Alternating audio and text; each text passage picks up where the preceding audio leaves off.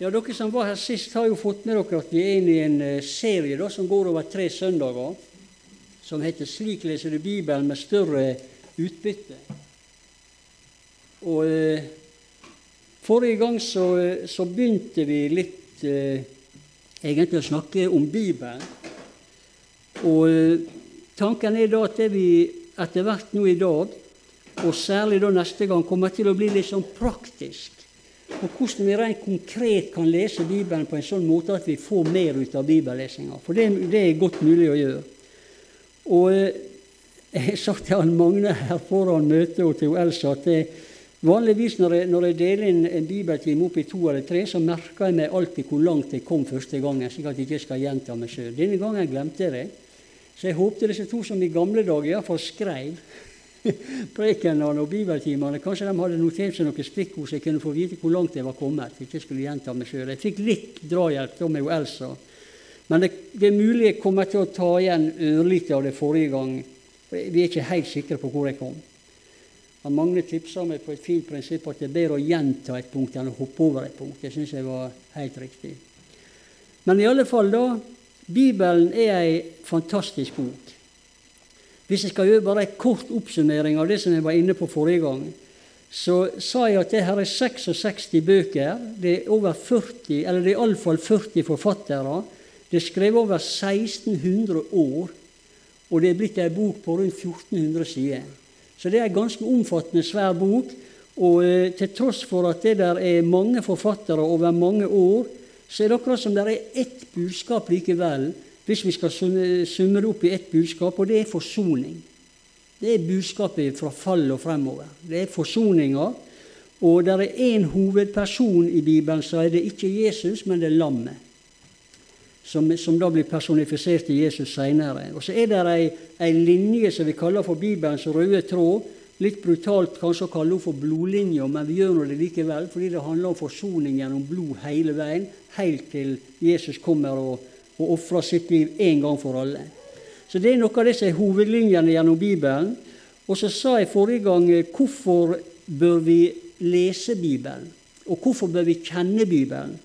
Og så sa jeg at det, det er mange årsaker til det, men særlig i denne siste tida så er det viktig fordi at Bibelen, lærer, eh, Bibelen advarer oss, både, både, Jesus og Paulus og, og Jakob og Johannes, eh, og om ikke Judas også, advarer oss og sier at i de siste dagene så kommer det mange falske profeter og mange falske lærere, og de skal føre mange vill. Så vi vet at det blir mye villfarelse i endens tid. Derfor er det viktig at vi kjenner Skriftene. For Jesus sa allerede i sin tid at dere farer vill fordi dere ikke kjenner Skriftene, og heller ikke Guds kraft. Så det er viktig i den tida vi lever i, at vi er kjent med hva Bibelen sier. Vi må forstå oss på hva som er Guds tanker, Guds rett og galt, eller så blir vi forført. Hvis vi, hvis vi toner ned bibellesinga i vår tid, så er det bare tidsånda som vil påvirkes. Og Da kommer vi til å tenke sånn som tidsånda vil vi skal tenke, og det skal vi ikke gjøre. Vi skal tenke sånn som Bibelen lærer oss også i endens tid. Og eh, Jeg lurer på om jeg nevnte sist her også denne her eh, historien fra, fra Matteus 25, hvor han taler om at det der kommer til å være to grupperinger i, i menigheten i endens tid. Fem dårlige og fem kloke. Så, så helt inn like før bortrykkelsen, like før bryllupsfesten, så viser det seg at det blir en avskalling i kristenheten der fem stykker ikke blir med inn i himmelen enn de trodde de skulle. Og Det er den biten av kristenheten vi for enhver pris ikke må tilhøre, men vi må tilhøre dem som beholder dette store felleseiet som vi har med alle evangeliske kristne. Vi tror på hele Bibelen som Guds ord, og vi tror på Jesus og forsoning av blodet som den eneste veien til himmelen. Der kommer trykket til å komme. Og så kommer det til å komme, som vi allerede så nå i uka, på dette med livet sine to utganger, himmel eller fortapelse. Vi vet at fortapelsen blir, blir mer og mer fornekta, og der tror jeg trykket kommer mer og mer inn mot menigheten. Et press til å få til å fornekte den evige fortapelsen. Men Bibelen er helt tydelig på at vi må, vi må ikke Og vi må ikke feige ut, for å si det sånn. Vi må ikke gi oss på det Bibelen sier. Vi må holde på det Bibelen sier, uansett hva tidsånda trykker inn mot oss. Og skal vi klare det, så må vi kjenne Skriftene. Det var litt av det som vi snakka om forrige gang. Eh, også, det, det, det, første hovedpunktet mitt her da, det var hvorfor er det viktig å kjenne Skriftene. Jo, i endens tid er det særdeles viktig med tanke på frafall, ikke minst. Men vi skal jo også gjøre det, for vi, hvor er det vi blir kjent med Jesus? Det er i Bibelen. I Bibelen, og så er det i vandringa med Jesus. Der er det vi lærer han å kjenne. Så det er viktig å forstå oss på Skriftene. Og Så kommer det da til det som er hovedpunkt nummer to. Blir dere sint hvis jeg tar vekk disse lyspærene? Jeg står og sparker borti dem. Må du legge sånt under talerstolen?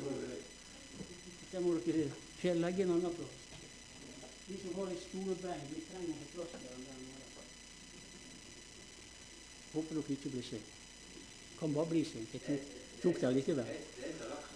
Ok. Men du har også gitt meg vann, så da blir det både opp i opp. Da skal vi gå til første Tessalonikerbrev, kapittel 2, hvis du har med Bibelen. Og Nå kommer jeg til det andre hovedpunktet. da, og det er at det, Når du begynner å lese i Bibelen, så vil du både oppdage, men du vil også oppleve at Bibelen er ei levende bok. Det er det hovedpunktet mitt nummer to i disse tre bibeltimene. Bibelen er ei levende bok. Ordet er levende ord. Og da leser vi i 1. Tessalonikerbrev 2,13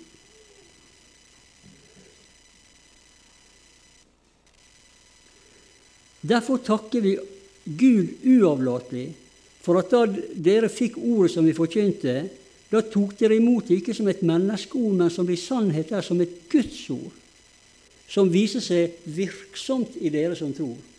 Så det, sier noe om at Bibelen gjør noe i livet vårt fordi det er levende og kraftig. Og så kjenner vi eh, Hebreerne 4, eh, vers eh, 12 og 13. Hebreerne 4, 12 og 13.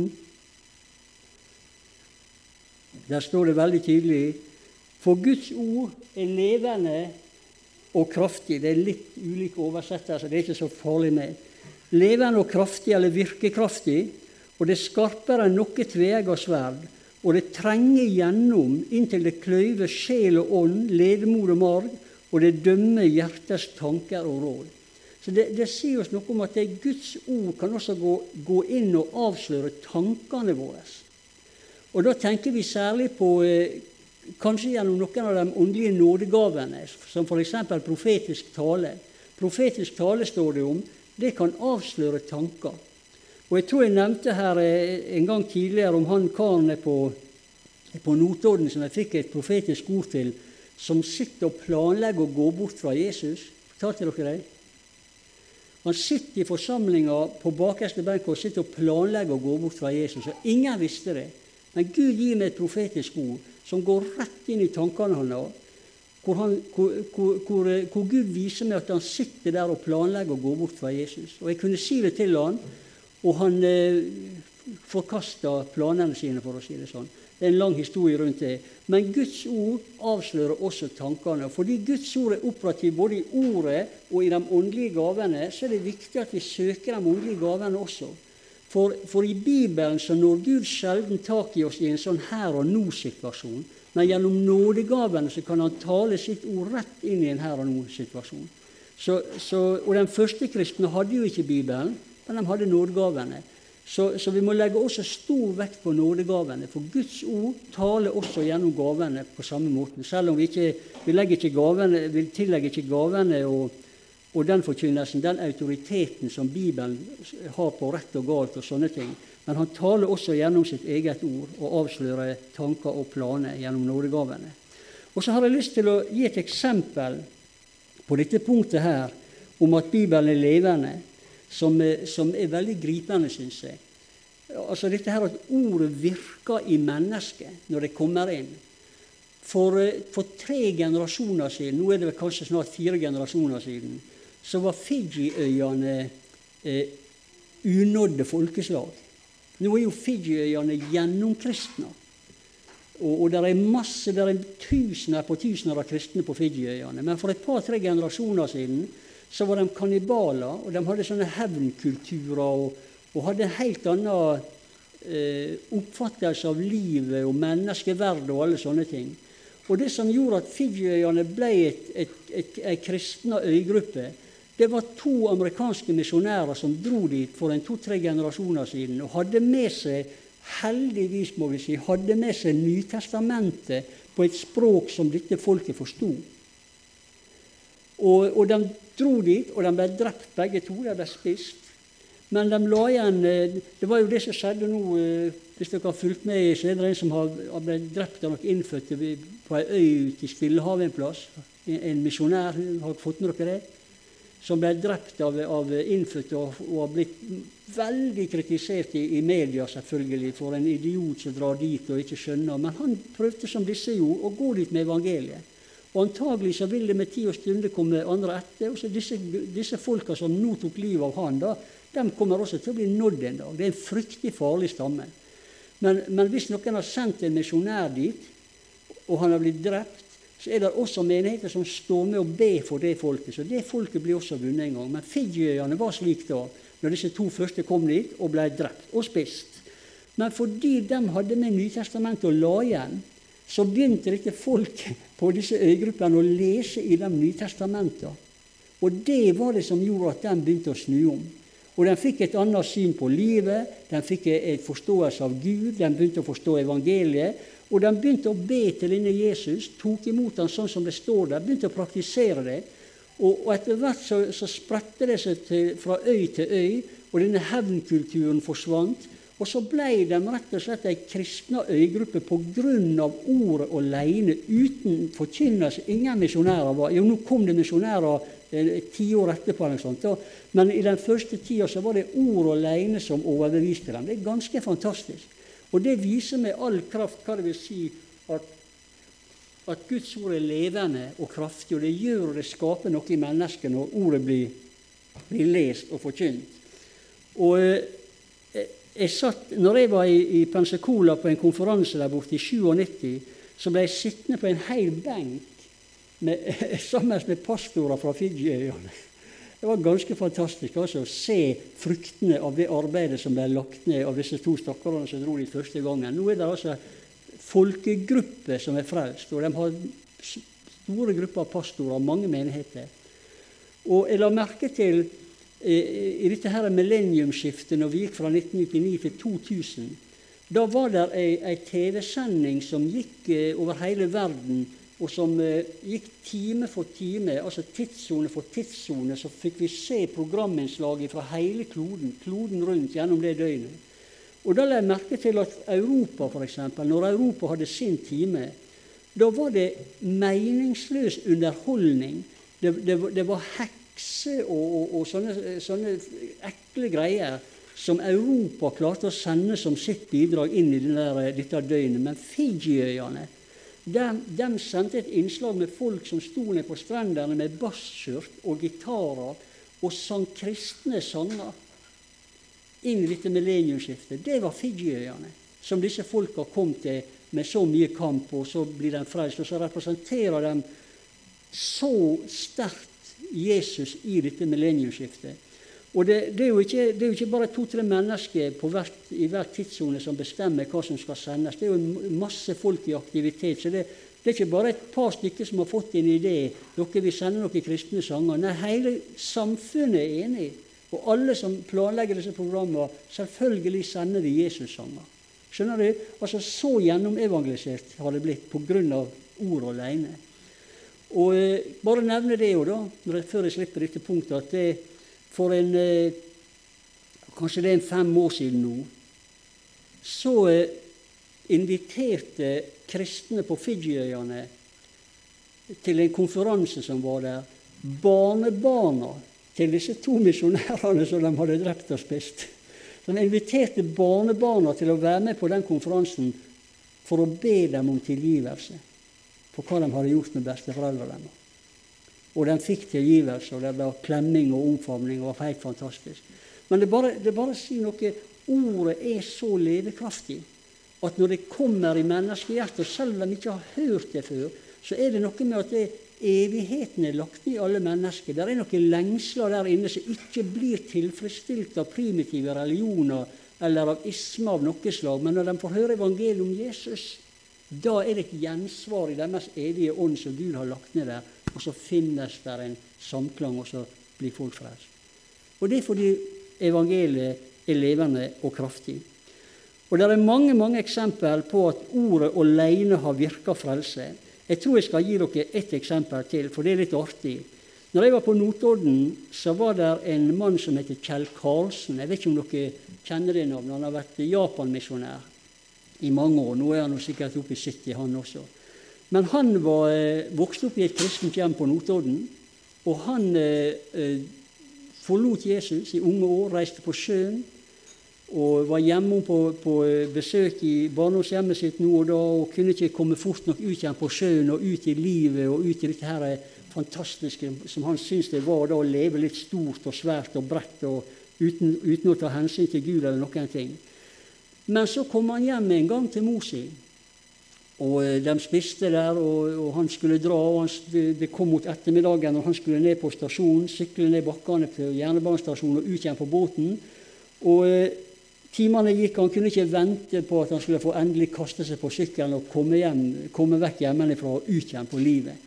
Men så sier mora, da, helt tydelig inspirert av Den hellige ånd, så sier hun kan ikke vi be Fader vår sammen før du drar, Kjell? Jo, det kunne han tåle. Hun fikk ikke snakke om noe Gud, men han kunne tåle et Fader vår. Så sitter han på kjøkkenbordet, og så begynner mora å be. Fader vår, du som er i himmelen. Og så sitter han Kjell og tenker Ja, det, det, det, det, tror jeg på. Det er riktig. Og hun ber seg setning gjennom setning. Og han bare sitter og kjenner Ja, det tror jeg på. Ja, det tror jeg på. Og når hun er ferdig med Fader vår, så er han Kjell så kalt av Gud at han bare sier 'Ha det, mamma', og så hiver han seg på sykkelen, og så farer han ned bakkene til, til, til, mot jernbanestasjonen. Og jo lenger ned han kommer mot Det er ikke mer enn to-tre kilometer ned. Jo mer kaldt er han av Gud. Og til slutt, idet han skal svinge ned den siste bakken ned på stasjonen, idet han skal svinge ned, så roper han 'Ja!' høyt på sykkelen. Og så sykler han opp igjen. 'Mamma, jeg har blitt frelst'. Og det var Fader vår, altså. Det er Guds ord. Levende og kraftig. Virker inn i alminnelige mennesker på sin guddommelige måte og er sterkt og overbevisende. Så Guds ord, eh, når vi har ufrelste barn, ufrelste foreldre, ufrelste venner, kollegaer og sånne ting Hvis det er noe du lurer på om du skal gi dem, så gi dem et evangelium. Eller et, eh, et Nytestamentet. eller et Johannes-evangelium. Du, du, får jo ett og ett evangelium nå, vet du, sånne, både sånne særtrykk og på forskjellige måter. Og, og, vi har i, i, tidligere, når vi gir julegave f.eks., så, har vi, så har vi stokket inn et sånt bitte lite Nytestamente. Eh, og vi vet jo aldri hva det kan føre til. Det vi vet med, Ikke Nytestamentet, med det, men et sånt lite evangelium. Og, og, vi vet jo aldri hva det fører til. Men vi vet at det er levende. Og blir det lest, så er det farlig, altså. Så, så, så evangeliet, Guds ord, alltid levende, virker det Gud vil det skal virke. Så Bibelen er en levende bok. Det er hovedpunkt nummer to. En annen følge av at Bibelen er levende, det er at det, det åpner seg sjøl og, åpenbarer seg sjøl og forklarer seg sjøl. Hvis, hvis, du blir med til apostelgjerningene 9, så skal du få se noe interessant som skjer med Paulus med en gang han blir frelst. Apostelgjerningene 9. Eh, Paulus er jo en forfølger, vet du, og han, eh, han torturerer, skriver han om. og Han var en sånn grusom, fryktelig, ubehagelig fyr. og De kristne var redd han, og med rette også. Men her i apostelgjerningene 9 så får han dette møtet med Jesus på vei til Damaskus. og Han, eh, han blir blinda der, og han, han, han, drar inn i byen, og Ananias kommer der og, og, legger hendene på han, og Så får han, får syn igjen. Han har vært blind. Og så står det da i, i 20, 9.20, eller 19, vi kan godt ta fra vers 19, apostelgjerningene 9.19. Så spiste han og ble styrka, og han ble noen dager hos disiplene i, Damaskus. Og så står det i neste vers her straks forkynte han Jesus i synagogene at han er Guds sønn. Hvordan kan han gjøre det straks når han i hele sitt liv har trodd det stikk motsatte. Han har jo forfulgt denne troa.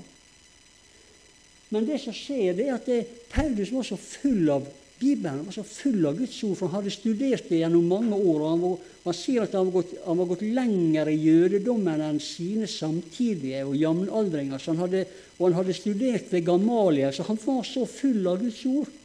Og, og du ser jo bibelundervisninga i brevet. Han, han, han, kan jo alt. Det var bare det at han hadde ikke denne rette åpenbaringa i det før han plutselig blir frelst. Og da er det øyeblikkelig så begynner Den hellige ånd å forklare han dette på en helt ny måte, og straks forkynner han Guds ord. Med en gang. Han trengte ikke noe kristen bibelskole engang. Han trengte ikke å gå i menigheten og høre et eneste ord, for han hadde ordet i seg. Han bare trengte at det åpenbarte seg for ham på en annen måte. Og det er det som skjer når han blir fylt med Den hellige ånd. Så du ser igjen da en, en konsekvens av at, livet, av at Bibelen er levende, og den åpenbarer seg sjøl.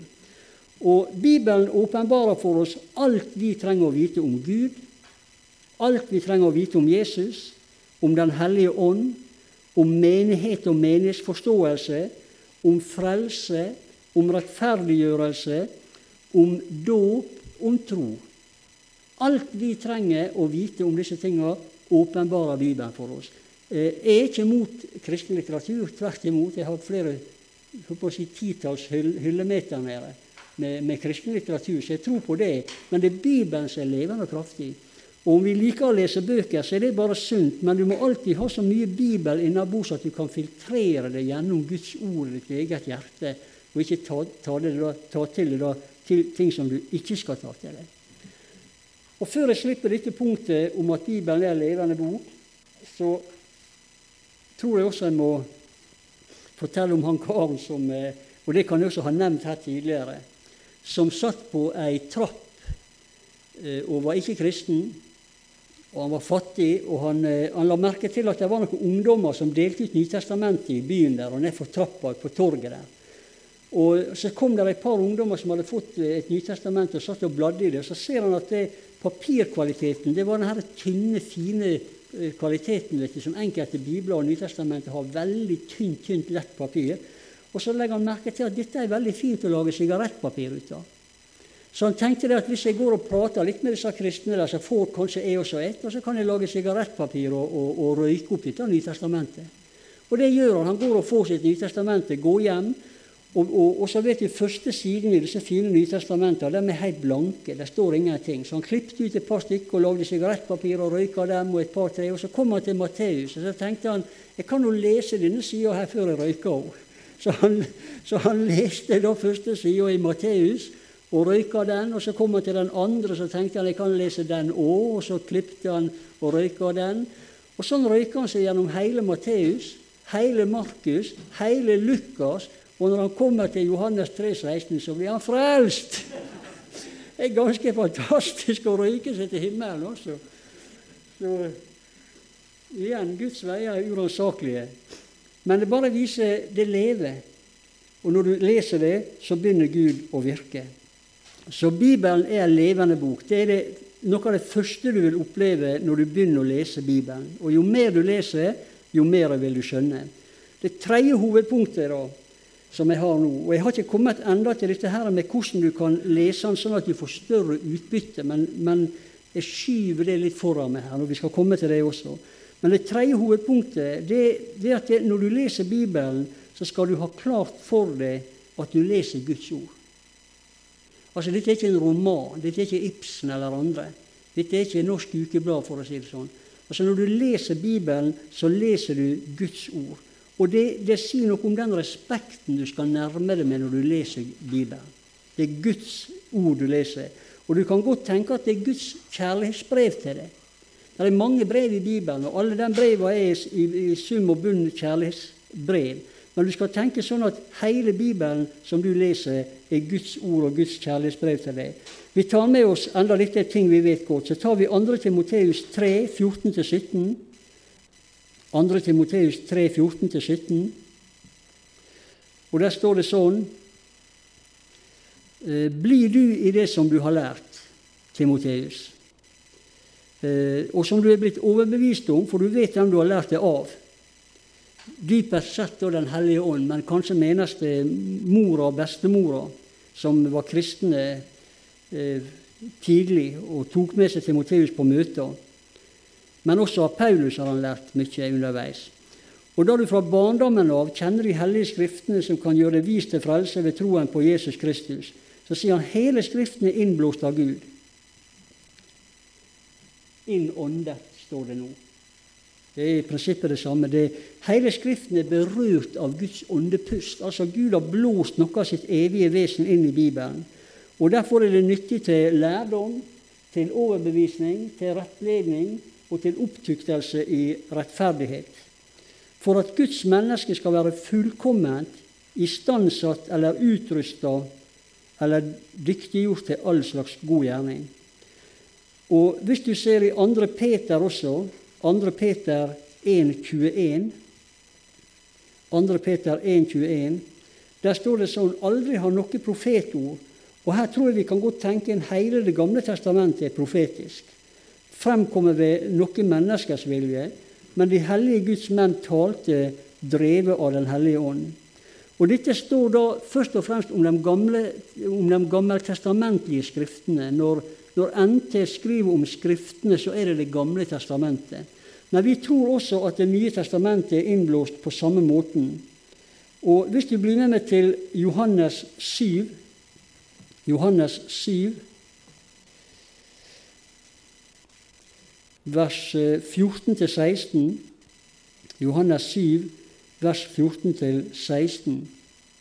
Når, når, Bibelen sier at Bibelen er, eller ordet er innblåst og inspirert av Gud, og den talte drevet av Den hellige ånd, så vil det si at det er meninga med det at det er som om Gud sjøl taler til deg gjennom Bibelen. Det er ikke profetene eller de andre. Da, da er det Guds, Gud som sjøl taler til det gjennom Bibelen. Men i Johannes 7, da, når det gjelder den nye pakt, så, skri, så sier Jesus i 14-16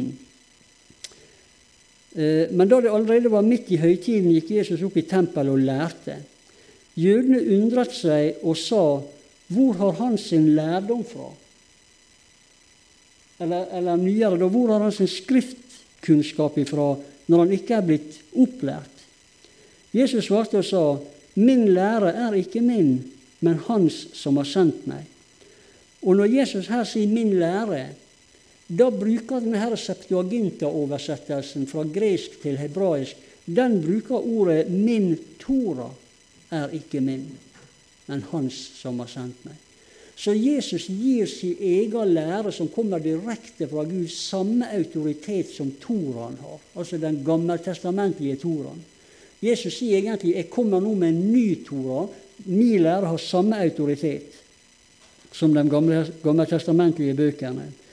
Og Første Tessalonikerbrev 2,13 Det blir mye Bibel her, men det er jo også bibeltime, så det får jo bare våge seg. Første Tessalonikerbrev 2,13 vi var bortom det i sted. Der sier Paulus sånn Derfor takker vi Gud bestandig for at da dere tok imot ordet vi forkynte, tok dere imot det ikke som et menneskeord, men som i sannhet er som et Guds ord. Så han tillegger også sin forkynnelse den autoritet at dette er Guds ord som vi preker. Det nye testamentet er Guds ord. Og Det er flere sånne eksempel fra Det nye testamentet på at det gir seg sjøl autoriteten som Det gamle testamentet har. Hvis noen noterer, jeg tror ikke jeg leser flere, men noterer du 1. Timoteus 5,18 hvis du vil ta igjen dette seinere, 1. Timoteus 5,18 og 2. Peter 3, 15-16. Der får du noe av, av Nytestamentet sitt sjølvitnesbyrd. 2. Peter 3, 15-16. Så, så når vi leser Ordet, så leser vi det som Guds ord. Så, så, når skal, så, når du skal, lese Bibelen på en sånn måte at du får større utbytte, så må du ha som utgangspunkt nå leser jeg Guds ord. Dette er ikke vanlig, vanlig bok, dette er en helt annerledes bok. Og Så skal det, skal jeg komme litt mer da, konkret og praktisk til hvordan vi kan lese Bibelen på en sånn måte at vi får større utbytte ut av lesinga. Dette kommer jeg bare til å begynne på, og så kommer vi til å fullføre det med den tredje bibeltimen, som da tror jeg tror er 6. januar. Søndag 6. januar. Da blir det tredje bibeltimen på dette. Og Da skal vi være, bli enda mer konkret på hvordan du kan lese Bibelen med enda større utbytte. Men det vi, kan, det vi kan si om Bibelen etter å ha lest Bibelen i mange år, det er at Bibelen er ei gullgruve. Ei fantastisk gullgruve. Men som, som med alt gull så må dette gullet også utvinnes. Og det er mange måter å utvinne gull i ei gruve fra, fra ei gruve på. På samme måte så er det mange måter å utvinne gull i Bibelen også. Det er mange måter å lese på. Og det går an å lese på en sånn måte at du får enda større utbytte. Du kan si det sånn at med tanke på å ha utbytte av Bibelen, så er tommelord minst effektivt av alt. Kan dere tommelord? Teknikken? Da bruker du tommelen sånn. Da er det sånn 'Kjære Gud, nå må jeg ha et ord.' nå må jeg ha et ord. Det. Nei, ikke dette. Må et annet. Altså, dette er den minst effektive måten å få utbytte av Bibelen på. Når jeg, når jeg var nyfrelst og kom inn i fila ute på Borgundveien, da gikk det en historie. Jeg vet ikke om han var sann, men hvis ikke så var han godt løyet iallfall. Det var en veldig god historie. Og Det var ei dame da som trengte et sånt tommelord. Og så 'Kjære Gud, jeg må ha et tommelord'. Og så får hun et tommelord, og der sto det og Judas gikk bort og hengte seg. Det var ikke hyggelig, da. Så da, nei, hun skal ikke ha det, hun skal ha et annet bibelord. Og så var det ett til. Og der sto det 'Går du bort og gjør likeså'. Nei, det skulle hun ikke ha, så hun måtte ta seg ett til. Og da står det 'Og sist av alle døde kvinnen'. Så eh, det var ikke så veldig effektivt, det. da. Nå, nå, nå må jeg si at eh, jeg har en gang sjøl bedt om et ord fordi jeg måtte ha et ord i en gitt situasjon. Og da gjorde jeg akkurat sånn, og jeg, og jeg, jeg landa på et ord som ga veldig mening inn i det eh, valget jeg sto i. Og jeg valgte ut fra det ordet, og det viste seg å være helt riktig. Så jeg sier ikke at Gud ikke kan tale på den måten, for alle ordene er levende, og han kan godt lede deg i en sånn situasjon. Men det er ikke dette du vokser på. Når, når du skal vokse i nåde og kjennskap, da må du studere og granske Skriftene. Så alt Guds ord er jo effektivt hele tida. Men la vi gå til Efeserne her nå, da, kapittel 1. Efeserne kapittel 1. Dette her er på en måte et mål når vi, når vi driver med sjølstudium av Bibelen. Eh, Efeserne 1. Da er det noe av dette her vi har i tankene, som står fra vers 15 og utover. Efeserne 1, 15. Der skriver Paulus sånn til menigheten da. Etter at jeg har hørt om den tro på den Herre Jesus som dere har, og om den kjærlighet dere har til alle de hellige, holder jeg ikke opp, sier han, med å takke for dere når jeg kommer på dere i mine bønner. Det er en veldig, det er en sånn klok tilnærming, dette her, når jeg kommer på dere i mine bønner. Fordi at det, det, det Av og til vi, vi sier til folk ja, vi skal huske å be for det, og så glemmer vi det av og til. Men så kommer vi på det igjen. Og det er det Paulus sier også. Når jeg kommer på dere, så husker jeg dere. Det skal vi også gjøre. Når vi kommer på noe, så husker vi det. Og da, da ber han om at uh, i vers 17 at vår Herre Jesu Kristi Gud, kjærlighetens Far, må gi dere visdoms- og åpenbaringsånd til kunnskap om seg. Det er noe av det vi søker når vi leser Bibelen. Vi søker denne visdommen og åpenbaringsånd som åpenbarer kunnskapen om Gud i Ordet og at det må gi deres hjerteopplyste øyne, så dere kan forstå. Altså, vi skal til og med forstå det. Hva slags håp han har kalt oss til, og hvor rik på herlighet hans arv er blant de hellige, og hvor overveldende, står det nå, stor hans makt er for oss som tror, etter virksomheten av hans veldige kraft.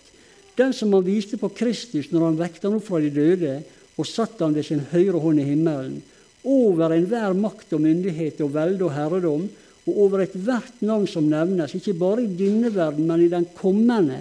Og han la alt inn under hans føtter og ga han som hode for alle ting, over alle ting til menigheten, som er hans legeme, fylt av Han som fyller alt i alle. Så, så, du ser, det, det, er veldig mye i Bibelen. Og skal vi forstå alle disse dybdene, så må vi ha visdoms- og åpenbaringsånd. Altså Det er Den hellige ånd som må åpne Skriftene for oss.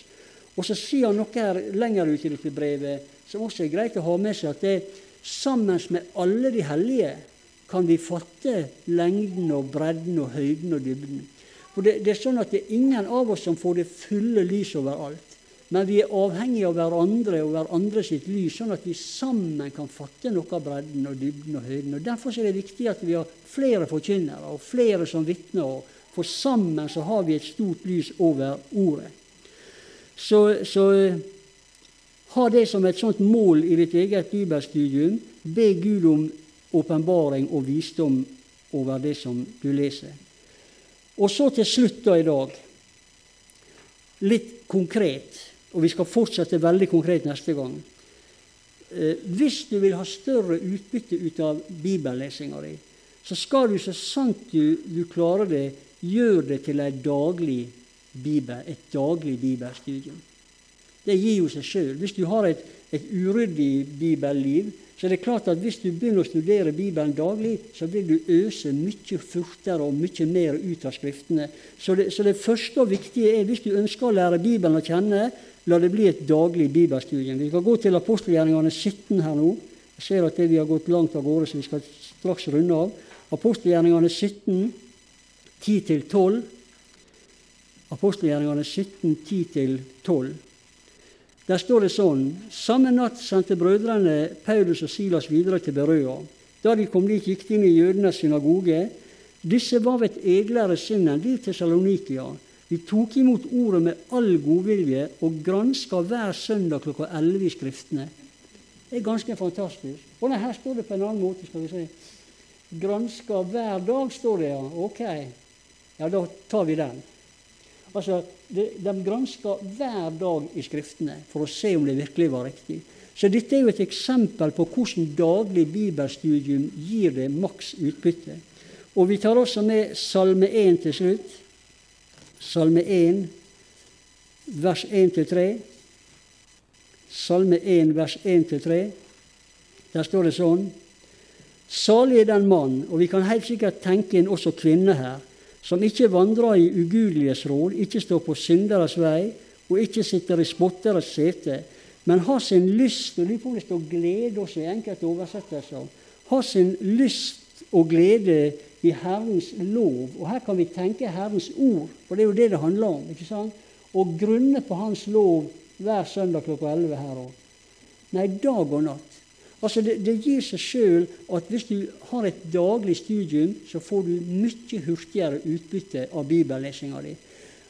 Og når jeg avslutter dette, da, så, så, vil jeg si det sånn at det, du, jeg mener ikke med dette at du skal begynne å love deg sjøl og himmelen at det er nå Gud skal det være hver dag, og så plutselig så er, det en dag det ikke blir, og så blir det en byrde. Det er ikke sånn det skal være. Men du kan ha det som et sånt rekkverk og støtte det langs. At så sant det er mulig, så skal jeg granske Bibelen for min egen del hver dag. Det det er det maksimale utbyttet du vil få ut av det. Og Neste gang da, så skal jeg snakke litt mer konkret om hvordan du kan gjøre det til et daglig studium. studium. Men du skal også få et par veldig fine tips som hjelper deg til veldig hurtig å ta ut stoffet. Ta ut gullet. Veldig hurtig. Det er nemlig mulig å gjøre. Men det vil ikke si noe om nå, for da får dere kanskje lyst til å komme igjen neste gang. Som blir 6. januar. Men vi lar det være med det der. Eh, vi lar det være med dette da i dag. Gjør det til et daglig bibelstudium. Da henter du hurtig ut fra Bibelen.